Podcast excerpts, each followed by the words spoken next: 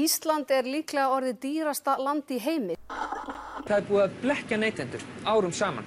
Þetta hafa stjórnvöld vitað í mörg ár. Hvaða náttúruöfl stýra því að lánin okkar hækka bara og hækka? Mörg af stærstu matvælafyrirtækjum landsins hafa notað yðnaðarsalt við framleiðslu sína. What do you think about the prices here in Iceland? They're crazy. Þú ert að lusta á ennið, hlaðvarp um neytundamál. Í þessum þætti hitt ég Drífur Snædal, framkvæmda stjóra starfsgrunarsambands Íslands, en hún sækist nú eftir því að verða kjörinn fórseti alþýðusambandsins. Við rættum auðvitað um sameinleg hagsmunumál stjættarfélaga og neytendasamtaka, til dæmis neyslu skatta, mannsæmandi húsnæðiskerfi, stöðu verkafólks í landbúnaðarkerfinu, samvinnufélög og hvort taka þurfi verðtryggingur sambandi ef gengið fer að falla og verðbólka að hækka. En ég byrjaði á að spyrja Drífu hvort henni síndist fjárlaga frumvarp ríkistjórnarinnar gert á forsendum vinstri græna eða sjálfstæðisflokks og framslunarflokks. En Drífa gaggrindi stjórnarsamstarfið harlega á sínum tíma og sagði sig úr vinstri grænum þegar flokkurinn var genginn til samstarfs með sjálfstæðisflokkin. Mér finnst þetta fjárlög sem eru frekar gerð á forsendum fjármarsabla heldur en vinnandi fólks og mér finnst þetta nú, ég, ég hef sagt að þetta hafi verið metnaðalus fjárlög og með því á ég við að um, þau eru ekki nýtt til þess að hérna jafna, jafna stöðu fólks á Íslandi. Það er verið að henda þarna einhverju í, í nefskattalækkun í rauninni með því að lækka hérna persónafslatinn en ekki einhvern veginn verið að reyna að nýta skattkerfi til tekjujöfnunar og það hefur nú verið færð fyrir því rökað að hérna skatta álögar, álög á lægsta tekjuhópin hafa hækkað mjög síðustu 30 árin en skatta ívilnani fyrir hæsta tekjuhópin hafa verið meiri. Það er endar sett eitthvað 1,6 miljardur í, í hækkun á badnabótum sem er gott en það er enda á fátæktarstyrkur því það er svo mikið skerðingamörk um, í mínum huga og, og þá, vera, þá er þetta ekki að vera fátæktarstyrkur badnabætur. Uh, á, á sama tíma er sko verið að lekka tryggjögjald um 8 miljardar þannig að við setjum þessar, hérna, þessar stærðir að þessi samhengi Það sem ég óttast svolítið er að stjórnvöld séu einhvern veginn að sapna í sarpin fyrir kjaraviðræður og svona meðist hugsunagangurinn í þessu vera svona hvað er það minnsta sem við komumst upp með að gera fyrir vinnandi fólk til allt fari ekki í bál og brand. Og það er metnaðaleysi í sjálfu sér. Af því að stjórnvöld á hverjum tíma eiga sjálfsögðu að hugsa um hag vinnandi fólks. Og það er mæli hverði á gæði samfélagsins sem við búum við hvernig uh, fólkið sem er lagslauna á vinnumarkarum hefur það. Það hefur aldrei verið talað um núna í kjölfar þessara fjárlega að sko neyslu skattarnir séu orðnir mjög háir og neyslu skattar náttúrulega lenda kannski þá þingst á þeim sem hafa það minnst milli handana. Við erum að tala um kannski hækkun og virðusauka skatt á matvæli sem að sjálfstæðarsflokkur og framsvonarflokkur kom hér á fyrir, eða hækkaði skattin hér fyrir fáum árum síðan. Við erum að tala um há áfengisgjöld, há gjöld á bensín og svo framvegis. Er þetta orðið sérstætt vandamál tilur svona í, í, og þá ekki síst fyrir þá tekið lagstu? Sko nefstu skattar eru í eðli sínum nefnskattar þannig að þeir koma jæmt niður öllum og ég hef viljað nota skattkerfið uh, mjög aggressíft til tekið jöfnunar. Þannig að það herri álögur á nefnskatta á meðan þú ert að lækka álögur annars það er í skattkerfinu að það í raunni hefur ekki þessu jöfnunur áhrif sem við viljum nota skattkerfið í. Svo vil ég náttúrulega minnast á annað líka að það er þeir sem eru einhvern veginn stykk frýr frá því að leggja til samneinslunar. Það er fólk sem tekur megniða sínum tekjum út í arð, þess að fólk sem fær arð af egnum sínum en ekki endilega launafólk og, hérna, og það hefur notið mikill að ívilnaðið í skattkerfinu. Þannig að sko skattkerfið okkar er ekki að þjóna tekjujöfnunar, uh, hérna, uh, hlutverki sínu, heldur í rauninni frekar hefur verið litið á það undanfarið sem tekjuöflunartæki sem það er vissulega líka, en hérna við erum ekki að nýta þessu skildi. Heldur að neyslu skattar komi eitthvað inn í umræðu núna í kjærfiðina? Það gæti verið. Mér finnst einhvern veginn allt upp á borðinu og, og við þurfum einhvern veginn bara að lenda málunum þannig eh, sem í heilsinni að það verði tekjujöfnur áhrif. Hvernig það er gert þessu útfærsluatri? Uh, mér finnst ekki sérstaklega metnað að mála skattkjöru sé einfalt, heldur bara að það virki. En, en við höfum nefnt dæmi eins og sko hækkuna barnabótum, húsnæðisbótum sem hefur náttúrulega farið hríðlekkandi uh, undanfærin ár á meðan húsnæðiskostnar hefur farið hækkandi. Um, við höfum nefnt sko að persónuafslátturinn uh, komi, þingdapunkturinn verið færði til þannig að þeir sem eru á legstu tekjunum fá hærri persónuafslátt og svo fjari hann út einhvern veginn. Þetta er útfæslu aðri. Auðvita er umræðan neyslu skatta inn í þessari púlíu líka. Nú er svolítið farið að tala um sko gengis fall eða gengis í að gefa eftir íslenska krónan. Í síðasta hrunni, 2007 eða 2008, þá, þá talaði Augmundur Jónasson um að hann hefði lagt til að sko uh, vísitalan er tekinu sambandi, tímaböndi, til þess að í rauninni verja þá heimilina meðan þessi, þessi ofsalega sveifla gengur yfir, svo þetta leggist ekki allt á húsnæðislánin. Þetta var alltaf eitthvað sem var mjög stór hluti af viðbröðu við hruninu, mótmælunum og gjaldrótin sem fylgdi í kjölfarið og síðan uh, uppgangur uh, stjórnmálamanna sem lofuðu endurgröðslum í formi hérna skuldaleiðréttinga eins og það var kallað. Uh, telur þú að það væri mögulegt að fara einhverja leiðir eins og augmyndur laði til ef að kreppan verið mikil? Mér finnst það algjörlega að koma til greina að taka verðtryggingun úr sambandi tímabundi til að verja heimilin. Af því að þær ákvarðan sem við verum að taka í svona ástandi verða að vera til hagspúta fyrir heimilin landinu. Uh, hvenar ákvarðat sá skurðapunktur er, veit ég ekki.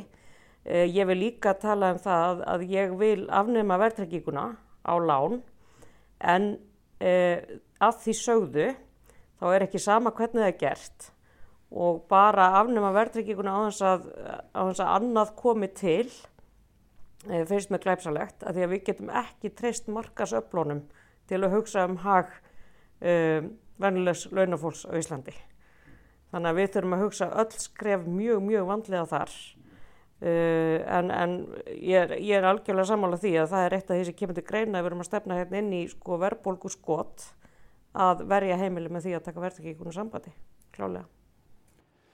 Uh, húsnæðismálinn, þetta er nú svona stóru málinn svolítið í samfélagin í dag uh, uh, og aðeins Alþýðisamband Íslands þar sem þú ert að bjóða fram til fórseta, það tekur, sambandi tekur þátt í það sem kallast Bjarg íbúðafélag og, og félagið afhenda fyrstu leigu íbúðunar á, á næsta ári. Er þetta heldur eitt og sér svona nógu kröftugt áttak á húsnæðismarkaði eða fyrir, fyrir leyendur eða, eða þarf að gera meira? Það þarf að gera tölvöld meira og við meðum heldur ekki bara að læsa okkur inn í einni lausn þarna. Bjarg er rosalega flott lausn og hefði reynda verið tölvöld betri lausn ef að sveitafélagin hefðu slaka aðeins á þeim gjöldum sem að þau eru einhemta byggingaréttagjald og svo framvegis um, sem hefur greiðarlega áhrif á leigu og við munum sjá það þegar Bjarg byggir að það hefur tölvöld munur á uh, innhemtri leigu eftir sveitafélagum hvernig þau á að koma til móts við bjarg í byggingaferlinu. Eh, þannig að það er eitt eh, og svo þurfa sko til að leysa húsnæðismálinn þurfa rosalega margar aðgjörir. Við erum með mjög sterka hugmynd um sérregnastefnu hérna í Íslandi og það þýðir ekkert að horfa fram hjá því. Þannig að það verður líka auðvelda fólk að egnast húsnæði. Þannig að það þurfa að vera feistu köpalán og þá þurfa mjög margir að koma að. Það þarf íbúðlónsögur og lífeyrisögurni jafnvel og, og, hérna, og, og ríkið að sjálfsögðu. Uh, það sem er gott að gerast í húsnæðismálum er að loksis erum við komið með áræðanlega greiningar um húsnæðisþörfina. Og það er íbúðlónsögur sem hefur tekið að sér að gera þær greiningar þannig að við erum komið með óháðar greiningar á húsnæðisþörf og getur þá farið að reyna að mæta henni með því að byggja jæmt og þétt, ekki eins og Við höfum verið að gera sko allt í hennu fara allir að stað og byggja, hrópla upp einhverjum blokkum, síðan er ekkert byggt eftir hrun í mörg ár, uppsafnar vandi. Þannig að hérna við erum komin í miklu betri stöðu til þess að reyna að tempra þetta núna, sem er mjög gott. Að það sé að ekki bankarnir eða greiningadelta bankana sem segja sko nú þarf að byggja hérna og hérna og eitthvað, heldur óhauður aðli. Eh, en það sem ég hef lagt áherslu á í húsnæðismálum, eh, Ebla Bjarg, klálega sem úræði, Eh, en það þarf líka önnur úræði. Það er að hérna, byggja og, og hérna, auðvelda fyrstu köpa.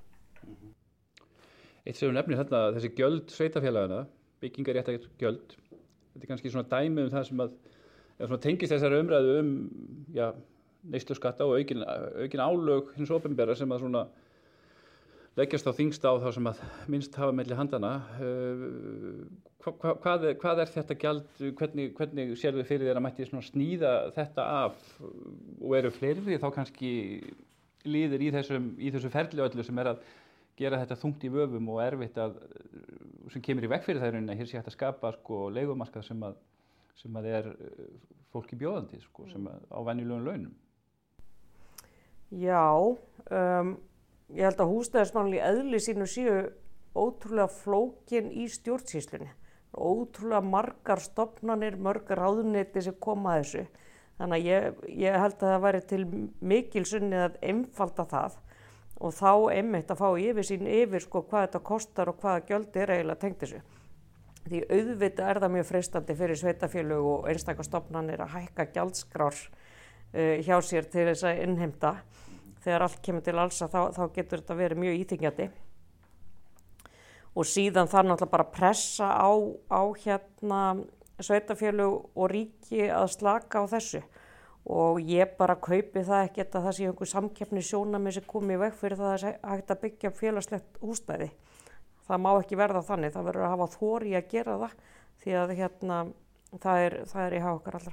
Hvaða sveitafélög bara svona fyrir forvitni sækir hafa verið duglegust að koma til mótsvið ykkur eins og lækkun eða afnámið þá þessari gælda? Mér skilst að Akranis kaupstöður að leikan þar verið tölvörst ódýrari af því að þau hafa slakað á, á uppburgjöldum.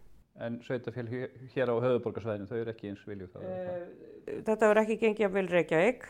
Þau, þau eru einhenda hérna, nánast fullt gjald uh, og uh, nú man ég ekki hvernig þetta var í hafnafyrði en, en það var til þess að, að Bjarg skilaði lóð þar og ég held að það hefur verið einhver ágreiningur um skiplag. Annað er náttúrulega bankakerfið. Það, þetta, við búum við alveg ósalega þungt og mikið bankakerfi hérna í þessu fámenna samfélagi og sem að reynist hérna almenningi dýrt að reyka. Uh, Einlaust sem að hefur verið nefnd möguleg er samfélagsbanki. Hver er svona þín afstæða, hvernig sér þau fyrir þér að það væri hægt að koma á uh, einhverju slíku sem heitir eða kallaði samfélagsbanki hér á landi og kannski þá í framhaldi hvernig líst þið þá á það sem segir í nýjustu fjárlögunum núna um að það megi að ríkistjóðin geti selt að hluta til eign sín í landsbankanum og Íslandsbanka? Mm. Ég hef alltaf verið mjög veik fyrir hugmyndunum samfélagsbanka. Ég er enda bara mjög veik fyrir samvinnu hugmyndum yfir höfuð og hérna samvinnu reyfingun eins og hún var hugsuð svona í grunninn sko. Hún var endar hérna svolítið merkilegt að hún er sem sagt eh, svona framsóknarflokkur tekur hann upp á sína arma hérna á Íslandi en, en víða annar staðar var hún mjög tengd verkalýsfélögum á Norðurlöndum. Það var verkalýssefingi sem fór á stað með þessa samvinnu hugsun. Þannig að samfélagsbanki á, á slíku grunni, mér er alltaf hugnast það mjög vel. Og það var endar uh, í stefnu vinstri græna að, að breyta landsbankarum í slíkan banka. Uh, en það er greinlega hérna hafa horfið frá því uh, þannig að ég svona já, mér finnst það mjög spennandi hugmynd að, að hérna stjættafélagin einhvern veginn skoðu það hvort það sé mögulegt að gera það Annað sem hefur verið til umræði í löndunum í kringum okkur, það er að skilda bankana til þess að gera grein fyrir því hvað þeir eru að græða á húsnæðislánum og neyslulánum. Núna fáum við bara að hagna bankana nánast trátt en að þeir þurfi þá að standa skil á því hvað þeir eru að græða á, á almenningi í formi húsnæðislána. Að stokka upp og þá, þá er hægt að búa til þrýsting á, á hérna lækkun og þjónustugjöldum og, og hérna vöxtum. En þetta með sko samvinnufélagsformið sem að sko við náttúrulega eigum okkar sko frekar svona glæsilega sögu samvinnufélag svona í fyrirluta 20. aldar og, og, og hérna sem endar síðan kannski svolítið illa eins og breytist bara í hvert annað stór fyrirtæki en, en, en svona þetta form heillar marga. En hvers vegna hefur gengið heldur þau svona illa? Er eitthvað í regluverkinu sem kemur í vekk fyrir þetta að, að þetta vaksi og spretti eða vantar bara eitthvað til að leggja fjármagnið í svona, svona verkefni Sko þetta gekk mjög vel framanaf, lengi framanaf víða um lönd og ég menna það eru ennþá sterk samvinnufjölug hérna víða um lönd í miða-Evrópu og Norður-Evrópu Uh, samvinnu félögin urðu svona stærsta fórnalamb nýfrjálfsíkunar. Sparisjóðunir hér? sparisjóti þegar við farið að tala um að það væri bara ræðilegt að það væri hérna fjö án hyrðis. Við munum eftir þeirri umræðu eins og það væri það versta í heimi að þarna leki fjö lausum hala og, og væri ekki á beitn einstæðar hjá réttum öflum. Þannig að þú veist, um, þannig að ég er nú ekki tilbúin til að segja að sko það sé eitthvað í samvinnu félagsforminu sem gangi ekki upp. Heldur er þetta hugmyndi hvers tíma sem, sem hérna ímist ítir undir þetta slátra þessu. Já, en ég meina sko með við þennan sko ríka áhuga sem maður skinnjar alveg, það er ofsalega ríkur áhuga á því að setja á stað samvinnufélögum en tala um samvinnufélögu í, í vestlunarekstri, í jafnvel því að byggja sér, byggja eh, hús og, nei, hérna byggja íbúður segja og, og, og tala um samvinnu félagsbanka og annað slíkt. Eh, fyrsta áhuginu svona mikill og það er greinlega að fólk vil gera þetta. Hvers vegna verður þetta ekki að veruleika? Er það, er það að því að það er eitthvað í regluverkinu sem hamlar, hamlar eða kemur í vekk fyrir það eða vantar bara fjármagnir? Uh, ég held að einhverju leiti hafi þessi umræði verið á þröngum hópum. Hafa, svona, þröngir hópar hafa verið mjög áhuga samir um þetta, í stóru sem smáu, hvort sem það er að samnýta bíla eða, eða, hérna, eða vera með samfunnubanka. Þannig að stærsta máli er einhvern veginn að koma þessi meira í almenna ofibur umræði þannig að fólk skilji hvað átt er við um, síðan varð sambandi þannig að það ógs alveg gríðarlega og varði í rauninni svona fjármarskapitalist í sjálfu sér mm -hmm. um, þannig að fólk er svolítið hikandi við þetta það svona sér fyrir sér sko sís eins og það var á sínu lokaspretti og Væri þetta eitthvað sem að alþjóðsambandið eða, eða, eða starfsgrunarsambandið eða stjættafélagin getur komið að? Mér finnst það alveg klálega að stjættafélagin er að vera opið fyrir svona hugmyndum og ég vil hafa frumkvæði að því að, að hérna, byggja upp svona. Eh, af því að ég persónulega sé ekkert vandamál við það að fyrir sé ekki með einstaklinga sem hyrða á bakvið. Við sjáum nú í upphafi til dæmis alþjóðurhefingarinnar að þar, er, þar voru reyginn bakari og og, og, og mjölkubú og ímislegt í nafni allþjóðu sambandsins eða allþjóðu flokksins. Já og þetta var eins og ég segi þetta var bara á Norðurlöndu, þetta var eina grunn hugmyndum verkalýsfélag á Norðurlöndum. En ég held að allstaðar hafi þetta orðið meira að minna nýfrálsveikjuna að bráð sko nema það er náttúrulega svona co-op eins og heitir matverkæður en þá Costco er einn útfæslan af þessu þar sem þú ert félagi. Það er rauninni svona, hvað maður að segja, kapitalist samvinnufélag en þar sem, þar sem gróðin er, fer aftur í samfélagið en, en ekki á forrahendur. Uh, bara svona til þess að uh, klára hérna umræðunum húsnæðismálinn, við heyrum öðru kóru að því að, að uh, fólk sem hinga flyttur, verka fólk, það þarf að búa við óviðunandi aðstæður í yðnaðar húsnæði jáfnvel og jáfnvel dæmum að fólk búið þar með börn og þess að fréttir kom upp öðru kóru þegar sko, slökkuliði gerir einhverjar talningu á þessu um, hvernig er ástandið núna? eru þið að fylgjast með þessu? er þetta ennþá viðvarandi?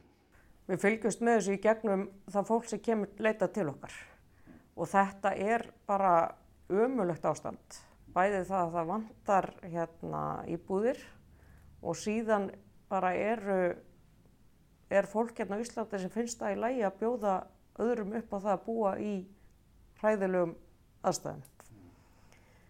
Um, og bara það er ekkert sem gerir mig að breyða eins og, eins og þegar, ég, þegar hérna hinga kemur fólk þar sem er verið að svíkja það og láta það búa í ofiðröndu húsnæði.